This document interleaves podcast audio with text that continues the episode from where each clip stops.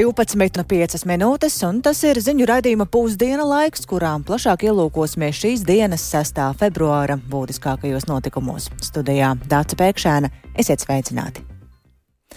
Vai Latvijā jāveido pašai sava Nacionālā attīstības banka? Šai idejai politiskajās aprindās ir liels atbalsts, ņemot vērā to, ka ir jātīsta konkurence ar ārvalstu kapitālu kredītiestādēm, un vienlaikus Latvijas banka mudina bankas vairāk uzņemties mazo un vidējo uzņēmumu kreditēšanu, lai veicinātu uzņēmumu darbību. Un kā šādu banku vislabāk veidot? Šodien par to turpināja spriest saimā, un šim tematam sako līdzi Jānis Kīncis. Sveiks, Jāni, ko šodien politiķi ir secinājuši? Jā, sveicināt. Šodien šī apspriede krietni iestiepās garumā. Un nesen tikai noslēdzās, apņemoties diskusijas turpināt, taču izskanēja daudz, dažādu informā daudz dažādas informācijas un arī dzen, argumentu. Tātad jāatgādina, ka ideja par Eh, finanšu institūcijas altuma pārveidošana par Nacionālo attīstības banku radās pagājušajā gadā, ņemot vērā problemātisko situāciju kreditēšanā Latvijā, tieši uzņēmē darbībā un ekonomikas izaugsmas veicināšanā. Latvijā kādreiz šāda Nacionālās attīstības banka jau bija. Tā bija hipoteka un zemes banka, kas neizturēja kreditēšanas apjomus, un daļa no šīs bankas vēlāk pārveidoja par attīstības finanšu institūciju altumu. Tad pār rudenī radās ideja šo altumu, ņemot vērā tās darbības darbības produktivitāti atkal pārveidot par banku. Un pirms apmēram mēneša sarunā par Nacionālās attīstības bankas ideju finanšu ministrs Arvils Ašarādens no jaunās vienotības izklāstīja jaunu satraucošu statistiku par šo ekonomikas situāciju, ka 16. 2016. gadā Latvijas uzņēmumu pašu kapitāls, tas ir līdzekļi bez kredīta saistībām, bijuši ap 20 miljardiem eiro, bet saistības ap 14 miljardiem eiro. Savukārt aizpagājušajā gadā jau Latvijas uzņēmumu pašu kapitāls bija gandrīz par 60% lielāks, savukārt aizdevuma apjoms apritē esošā nauda sarukusi. Tikmēr Lietuvā un Igaunijā abi šie radītāji ir bijuši būtiski augstāki, un Latvijai ir jātiek tiem līdzi. Kādēļ būtiski ir pazemināt kredītu procentu likmes un veicināt kreditēšanu. Šo, šo viedoklī sēdē pamatoja Latvijas Bankas monetārās politikas pārvaldes vadītājs Uldis Rutkaste un ekonomikas ministrijas parlamentārais sekretārs Jurģis Miezainis. Lūk, viņa teiktais pamatā ir tā problēma ar banku finansējumu pieejamību, ir tas, ka banku kredītu piedāvājums ir ierobežots un bankas varbūt ir gatavs izsniegt aizdevumus tādiem ļoti drošiem, lieliem uzņēmumiem, bet, piemēram, mazo vidējo uzņēmumu segments ir nu, teiksim, ar, būtisku, ar būtiskiem finanšu pieejamības ierobežojumiem. Tā ir tāda ļoti konservatīva kreditēšanas politika, kas ir sākusies pēc šī 2008. gada.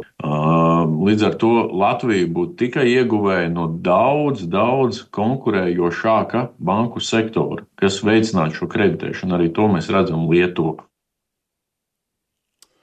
Lūk, tas, ko šobrīd dara Altuma, attīsta dažādas atbalsta aizdevumu garantiju programmas. Savukārt, nu, nevar iejaukties kredit, kreditēšanas jomā, piemēram, pārfinansējot kādus banku izsniegtos kredītus. Uh, iespēju Altuma tvērumu paplašināt ar kredītiestādes funkcijām. Uh, Tad, tad, kā vienu no iespējamiem risinājumiem, saredz arī Finanšu ministrija. Tiesa gan, uh, jautājums ir, vai Altuma kļūtu par klasisku kredīti iestādi, kas pieņemtu arī iedzīvotāju naudu. Par to ir izskanējuši brīdinājumi, ka tas varētu nozīmēt arī kādus grūti prognozējamus riskus ar valsts budžeta līdzekļiem, ja finanšu sektorā atkal būtu kādas krīzes situācijas. Un pret Nacionālas attīstības bankas izveidas ideju iebilst arī mazāko komercbanku pārstāvis, eh, konkrēti Signeta bankas vadītājs Roberts Idelsons aizstāvot savu nozari, viņš uzskata, ka atbilstoši Lietuvas šauļu bankas, piemēram, arī Latvijā būtu jāļauj audzēt muskuļus mazajām vietējām komercbankām. Lūk, arī viņa teiktais.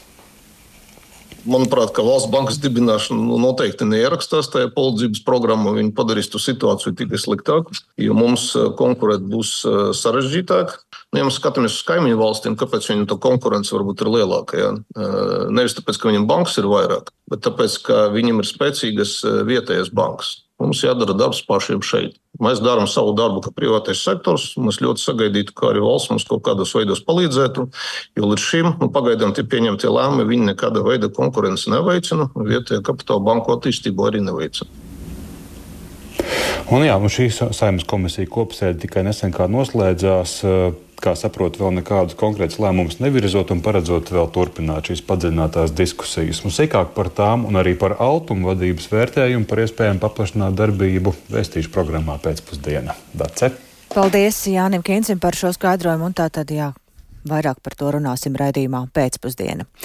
Bet skolās trūkst ne tikai skolotāju, arvien biežāk nākas secināt, ka paliek vakantas arī direktoru un viņu vietnieku vietas. Latvijas izglītības un zinātnes darbinieku arotbiedrība grib saprast tā patiesos iemeslus, lai varētu šo jautājumu risināt politiskā līmenī. Un arotbiedrības rīcībā gan precīzu datu par to, cik šobrīd direktoru trūks nav, bet šāda tendence īpaši spilgt esot parādīsies pērn vasarā. Un Par to liecina gan ieraksti sociālajos tīklos, gan pašvaldības izglītības iestāžu mājaslapās. Un tāpēc šobrīd ir sākusies visu līmeņu izglītības iestāžu līderu aptauja. Un vairāk par to īsu brīdi pirms raidījuma es iztaujāju arotbiedrības vadītāju Ingu Vanagu. Protams, no līderiem parasti sagaida, ka viņi ir tātad profesionāli, ja ir spēcīgi, ir paraugi, ja ir nu, komandas šie vadītāji, taču arī viņiem ir nepieciešams atbalsts. Un mēs novērojām to, ka, diemžēl, palielinās vakanču skaits tieši administrācijā, ja direktori, direktori vietnieki. Un ņemot vērā, ka arī mums biedri ļoti daudz direktori arotbiedrībā, tad mēs nolēmām pētīt arī, kā viņi jūtas, ja kāda ir šī bosinga mobbinga problemātika, kāds ir atbalsts viņiem pašiem kolektīvā, ja vai to izjūt vai no dibinātāja, no ministrijām, no pašvaldības, no pašvaldību institūcijām, kā viņi redz savu profesionālo autonomiju, ar kādām problēmām viņi saskarās, riskiem, kādu atbalstu viņi vēlētos saņemt, kas ir jāuzlabo. Kas varētu būt tās lielākās problēmas, kas varētu izkristalizēties šajā aptaujā?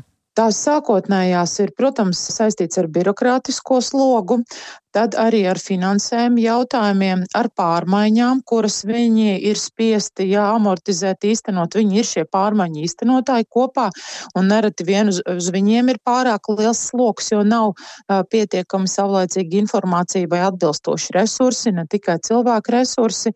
Nu, tās ir tādas, jā, pagaidām, kas iezīmējās, ja tādas uh, problēmas arī par savu profesionālo pilnveidu viņi vēlētos saņemt lielāku atbalstu un kursus, vai tas būtu par juridiskiem jautājumiem vai par projektu, ja kādu koordinēšanu, vadīšanu. Tā kā pagaidām šie ieskicējās. Un tad tālāk ar šiem rezultātiem, ko tālāk darīsiet? Iesiet uz valdību, ministriju? Jā, aptaujas rezultātus mēs prezentēsim, un tāpēc mums bija svarīgi apzināt, kāds atbalsts un jautājumi būtu jārisina sadarbībā ar pašvaldībām, kas būtu jārisina ar izglītības zinātnes ministriju, kā nozares politikas veidotāju, kas būtu jāmaina varbūt eh, normatīvajos aktos, likumos, ja, un tad ņemot vērā, kādas problēmas norādīs, eh, tad arī mēs vērtēsim, eh, nu, kurā līmenī, ja kāds jautājums ir šķetināms. Un tāpēc mums ir svarīgi, lai viņi iedod to realitātes sajūtu, jo līdz šim mēs no līdzda neesam pētījuši tieši līderu, ja šo lomu, bet ja mēs redzam šo tendenci, ka viņu sāk trūkt, ka viņi profesionāli izdeg un ir ilgstoši vakances uz administratīvo, nu tātad šīm viet, no vietām, un ja mēs zinām, kāda ir līdera, ja skolas vadītāja loma, tad mēs uzskatām, ka jau bija krietni ātrāk, varbūt pat jāveic šis pētījums, lai savlaicīgi viņus atbalstītu, lai viņus nepazaudētu, jo viņu vadībā tiešām ir no viņu darbības, viņu komandas vadības stila, kopīgās sadarbības ir atkarīgs, cik sekmīgi īstenosies pārmaiņas, par kurām lem nacionālā līmenī un pašvaldības līmenī. Viņi ir praktiskie pārmaiņu realizētāji, un tāpēc arī viņi ir jāatbalsta. Dzirdējām līdz vadītāju Ingu Vanagu un tātad visu līmeņu izglītības iestāžu vadītāju aptauja turpināsies līdz 16. februārim un pēc rezultātu apkopošanas tad arotbiedrība pašvaldība vai arī pat nacionālā līmenī cer meklēt veidus, kā nepieļaut šo profesionāļu aizplūšanu. Bet tikko Saimas izglītības kultūras un zinātnes komisijā ir noslēgušās ļoti asas diskusijas par februāra pirmajās dienās ministrijas publiskoto lēmumu, ka šajā mācību gadā 9. klašu centralizēto eksāmenu snieguma slieksni necels, saglabājot to tajā pašā 10% līmenī, kāds tas bija pagājušajā mācību gadā. Skolēnu prasmes to neļauj, lai gan bija plānots minimālā snieg snieguma slieksni ar katru nākamo gadu paaugstināt par 5%, pakāpeniski sasniedzot 20% līmeni. Klātesošie arī pauda uzskatu, ka Latvijas eksāmenu sistēma kopumā ir pārslogota un turpina Siguldas valsts ģimnāzijas direktors Rudolfs Kalvāns. Mūsu vispārējās izglītības sistēma, kolēģi, mīļie, ir būvēta. Jūs ļoti labi zinat, mums ir tīri eksaminācijas bāzēta izglītības sistēma. Ja? Mums viss ir caur eksāmenu. Un tagad pajautājam katram savam kolēģim, te bijušie direktori un tā tālāk. Ja nebūs eksāmens, tad manu priekšmetu nemācīsies. Ja nebūs eksāmens, ko saka lobby, darba devēji, ja, ja nebūs eksāmens, tad tauta degradēsies. Nebūs darba spēka, neviens nemācīsies, atzīmes būs uz leju, visi slinkos. Ja? Tātad faktiski eksāmens kā disciplinē, skolēnu un pedagoģu disciplinējošs instruments. Tagad mēs pārslogojam to sistēmu, mēs vēl paņemam, ieliekam 9. klases, ok. Jāpiebilst, ka vidējās izglītības posmā 12. klašu centralizēto eksāmenu slieksnis šajā mācību gadā ir 15%, un tad vairāk par centralizētajiem eksāmeniem, kas ir gaidāmi jau pēc trim mēnešiem. Klausieties redzījumā pēcpusdienā. Politiķi šodien apspriež arī labklājības ministrijas ziņojumu par bērnu stāvokli Latvijā, un tajā ir secināts, ka pret bērniem joprojām tiek pastrādāts daudz noziegumu. Turklāt pēdējos gados šī situācija būtiski neuzlabojas. Laikā no 2018. līdz 2022. gadam no noziedzīgiem nodarījumiem cietuši vidēji vairāk nekā pustūkstotis bērnu gadā. Visbiežāk tie ir noziegumi pret likumību un dzimumu neaizskaramību. Saimnes cilvēktiesību komisijas darba Darbam līdzi seko Sintīna Ambotes. Sveika, Sintīna! Ierunājam par bērniem no drošības aspekta. Kāda ir situācija Latvijā? Sveika, Dārts, sveicināti klausītāji. Jā, labklājības ministrija tātad šajā ziņojumā ir apkopojusi no ļoti dažādiem avotiem statistiku, un, piemēram, iekšlietu ministrijas dati liecina, ka 2021. gadā um, par noziedzīgos nodarījumos uh, cietušiem atzīti 503 bērni, un 22. gadā Eh, šajos noziegumos cietuši jau 542 bērni. Šie dati liecina, ka visbiežāk bērni cietuši no uh, noziegumiem pret likumību un dzimumu neaizskaramību. Tāpat bērni cietuši arī no cietsirdības un vardarbības un arī no mantiskiem nodarījumiem. Dati arī liecina, ka visbiežāk cieši meitenes un palielinoties bērna vecumam pieaug risks ciest no dzimumu noziegumiem. Labklājības ministrija savā ziņojumā par bērnu stāvokli Latvijā arī vērš uzmanību uz negatīvu tendenci fiziskas un emocionālas vardarbības gadījumos vēršanos pret bērniem, tostarp no vecāku vai aizgādņu puses. Tāpat aizgādniecības tiesības 2022. gadā, piemēram, atņemtas par tūkstošu bērniem. Varam paklausīties ministrijas bērnu un ģimenes politikas departamenta vecāko ekspertu Lauru Neikanu par tātad cietušiem noziedzīgos nodarījumos, tas nu, bērnu skaits ir, es teiktu, samērā tomēr tāds turas diezgan nemainīgā tajā skaitliskajā līmenī, lai gan varbūt varētu teikt, ka jā, nu, kas tur ir divu gadu salīdzinājums, protams, mēs nekādus milzu lēcienus nevarētu sagaidīt, bet administratīvie pārkāpumi parāda, ka ir tiešām būt, būtiski liels skaits bērnu, kas uh, ik gadu cieši no fiziskas emocionālas vardarbības. Tāpat arī no tādas eh, mazas bērnu apdraudošas situācijas eh, atstāšana bez uzraudzības, it sevišķi, ja to ir izdarījusi persona, kas ir nu, apreibinošo vielu ietekmē. Tāpat arī ir šie pārkāpumi saistībā ar bērnu iesaistīšanu smēķēšanā, alkoholisko dzērienu, citu apreibinošo vielu lietošanā. Vienlaikus šajā ziņojumā norādīts, ka pēdējos gados ir samazinājies pašu nepilngadīgo paveikto noziegumu skaits no 533 līdz 510 personām. Tad neliels kritums ir, bet joprojām redzams, ka bērni iesaistās gana daudzos noziegumos. Bērni arī ieslodzījuma vietās nonākuši kopumā 23 nepilngadīgie un vēl gadu iepriekš tie bija 27. Pie risinājumiem labklājības ministrija gan norāda, ka šobrīd krimināla soda sistēmā ieviests jauns krimināla soda veids probācijas uzraudzību, kas aizpilda iepriekš trūkstošo posmu starp brīvības atņemšanas eh, sodu un sabiedrisko darbu.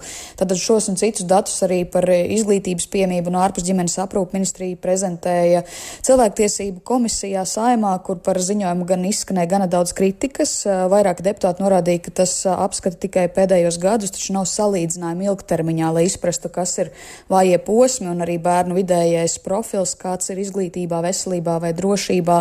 Un tāpat iztrūkst kādu padzinātu analīzi par dažādiem dažādu iesaistīto pušu darbu. Arī nodibinājuma centrs Dārdedze pārstāve Anda Avene vērs uzmanību, ka izstrādātais dokuments nesniedz svarīgākās atbildes, turklāt trūks dažādu institūciju dati. Varam paklausīties Avenes teikto. Ilgtermiņa tendences mēs no tā nevaram izcicināt. Un um, vienkārši vērš komisijas uzmanības to, ka šobrīd katra sistēma dzīvo savu dzīvi. Policija uzskaita pārkāpumus pēc pantiem, sociālā sistēma uzskaita situācijas, nu, pārkāpumus pēc bērnu skaita. Mēs pat nevaram nu, īsti izsacināt, cik bērnu ir cietuši, piemēram, no vardarbības, jo mēs, nu, mums nav uh, informācijas par to, cik unikālie bērni ir dažādās sistēmās iekļauti. Un es aicinu arī komisiju sekot līdzi tam, kā veiksies ar vienotas datu monitoringa sistēmas izveidi un par kuru, tāpat kā no vienota ziņojuma, mēs varam izdarīt secinājumus gan par konkrētā bērna situāciju kopumā, gan arī par situāciju Latvijā. Vēl jāpapildina, ka vērtēt statistiku par to, kādas personas visbiežāk veic vardarbību pret bērniem, kuri ir saņēmuši šajos pēdējos gados sociālo rehabilitāciju, tad visbiežāk vardarbību bērni piedzīvojuši tieši ģimenē, un Saimnes cilvēktiesību komisija diskusijas noslēgumā norādīja, ka jautājumu turpinās skatīt arī citās sēdēs. Dace? Paldies Sintējai Ambotei. Tātad, diemžēl, neuzlabojas pret bērniem pastrādāto noziegumu situācija un to nes, skaits nesamazinās. Bet um, šobrīd par to, ka nemierīga situācija saglabājas tuvajos austrumos. Izraela paplašina militārās operācijas Gazas joslas dienvidos un apgalvo, ka karš pret teroristu grupējumu Hamas varētu beigties tuvākajos mēnešos. Tikmēr ASV valsts sekretārs Antonijs Blinkens kārtējo reizi apmeklē reģiona valstis, lai panāktu drīzāku kara pārtraukšanu un runātu par Gazas nākotni. Bet Irānas sabiedrotie turpina uzbrukumu uzbrukumus ASV militārajām bāzēm Sīrijā un Irākā, un vairāk par jaunākajiem notikumiem tuvojos austrumos pastāstīs kolēģis Uldis Ķezberis. Sveiks, Uldi! Kāda ir situācija Gazas joslā gandrīz nu, četrus mēnešus pēc kara sākuma? Jā, Izraēlas uh, armijas operācijas uh, pašlaik koncentrējas galvenokārt Gazas uh, pirms kara otrajā lielākajā pilsētā Haņūnisā, tas ir um, joslas dienvidos. Un, uh, tur joprojām atrodoties liels skaits Hamas teroristu un aizvadītās diennakts laikā esot nogalināti vairāki desmiti Hamas kaujinieku, bet vēl 80 ir notverti. Izrēlieši pakāpeniski virzās tuvāk arī Rafahas pilsētai, kas atrodas uh, pašos, pašos Gazas dienvidos, un Izraēlas aviācijas triecienos Rafahas tūmā aizvadītajā naktī esot nogalināti vismaz 99 cilvēki. Tā apgalvo Hamas kontrolētā Gazas veselības ministrija. Eh, Rafahā un tās apkaimē patvērumu ir raduši aptuveni viens. Nu, pusotrs miljons civiliedzīvotāju, kuri pēc kara sākuma tur ieradās no Gazas ziemeļiem un arī centrālajiem rajoniem. Eh, tāpēc ir bažas, ka pastiprinoties Izraēlas operācijām Rafahā, strauji pieaugs jau tā milzīgais bojāgājušo un ievainoto skaits un arī padziļināsies humanitārā krīze. Izraels premjerministrs Benjamins Netanjahu vakar paziņoja, ka karš uh, turpināsies tik ilgi, kamēr nebūs iznīcināta Hamas militārā vadība. Viņš prognozēja, ka šī mērķa īstenošanai nevajadzēs gadus, bet mēnešus. Nu, tas, uh, protams, ir mazāk nekā Netanjahu prognozēja iepriekš, ka karu var nākties turpināt līdz pat 2025. gadam. Savukārt Izraels aizsardzības ministrs uh, Jāvis Galants paziņoja, ka līdz šim ir izdevies nogalināt vai nopietni ievainot pusi no Hamas teroristiem. Viņš gan nenosauca konkrētus skaitļus, taču iepriekš izrēlieši apgalvoja, ka nogalināti ir vairāk nekā desmit tūkstoši Hamas kaujinieku Gazā. Un Galants arī apgalvoja, ka Hamas līderis Gazā Jahjas Sinvars pašlaik bēguļo.